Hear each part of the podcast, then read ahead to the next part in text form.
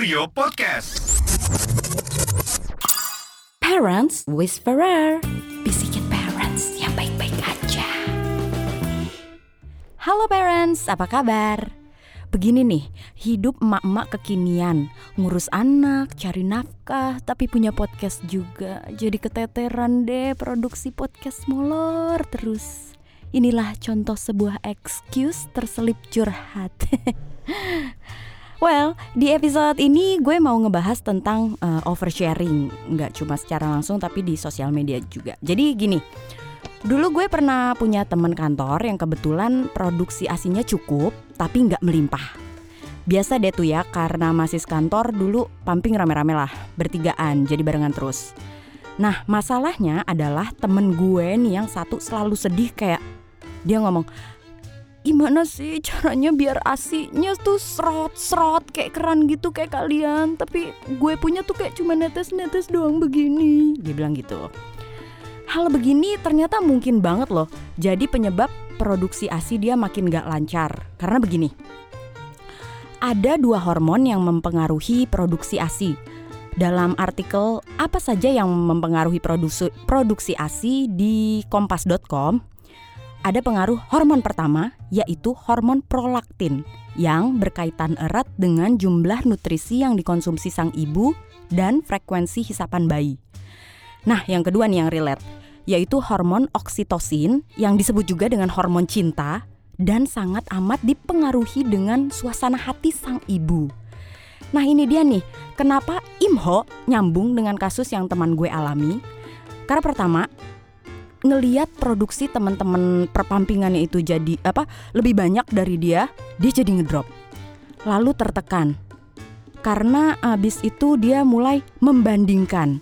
Mungkin juga proses psikisnya itu masuk ke dalam alam bawah sadar terus akhirnya menghambat produksi asinya dia sendiri karena merasa karena dianya tuh merasa kayak kurang puas lalu nggak happy.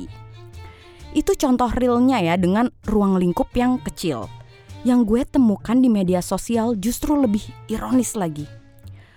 Posting foto stok asip yang melimpah. Tahu kan yang kayak uh, apa sih namanya uh, motoin foto freezer, freezer ASI itu full dengan kantong-kantong atau botol-botol asip lo. Asip adalah air susu ibu perasan. Iya gitu. Terus uh, itu salah satu contohnya atau uh, alhamdulillah uh, hari ini dapat 120 ml which is full satu botol. Nah, itu emang sih setiap orang tuh bebas melakukan apa aja di akun sosmed mereka. Tapi ada baiknya jika ada hal-hal yang sebaiknya lo tahu ternyata itu bisa bikin orang lain drop. Kenapa? Berkaca uh, dari kasus temen gue tadi, gini loh, di luar sana mungkin salah satunya teman kamu juga, banyak loh para ibu yang ingin sekali mengasi anaknya, namun tidak bisa karena banyak faktor. Kebayang nggak rasanya?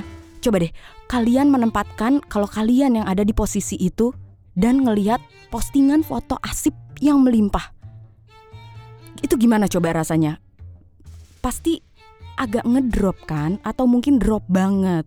Well, kalau emang lo punya niat baik seperti donasi, postingan lo tuh sebaiknya tetap berupa caption atau ilustrasi, not your own breast milk. Emang rasanya tuh emang agak sulit ya ngekip kebahagiaan dan rasa bangga tuh sendiri aja itu emang sulit ya say. Makanya ayo kita belajar bersama biar nggak dicap toxic parents. Aduh males banget nggak? Ingat selalu bahwa menjadi ibu, cara didik, berkeluarga, hingga standar kehidupan bukanlah sebuah kompetisi. Ayo kita saling mendukung sesama perempuan and standing against mom petition. Tetap semangat and let's be happy.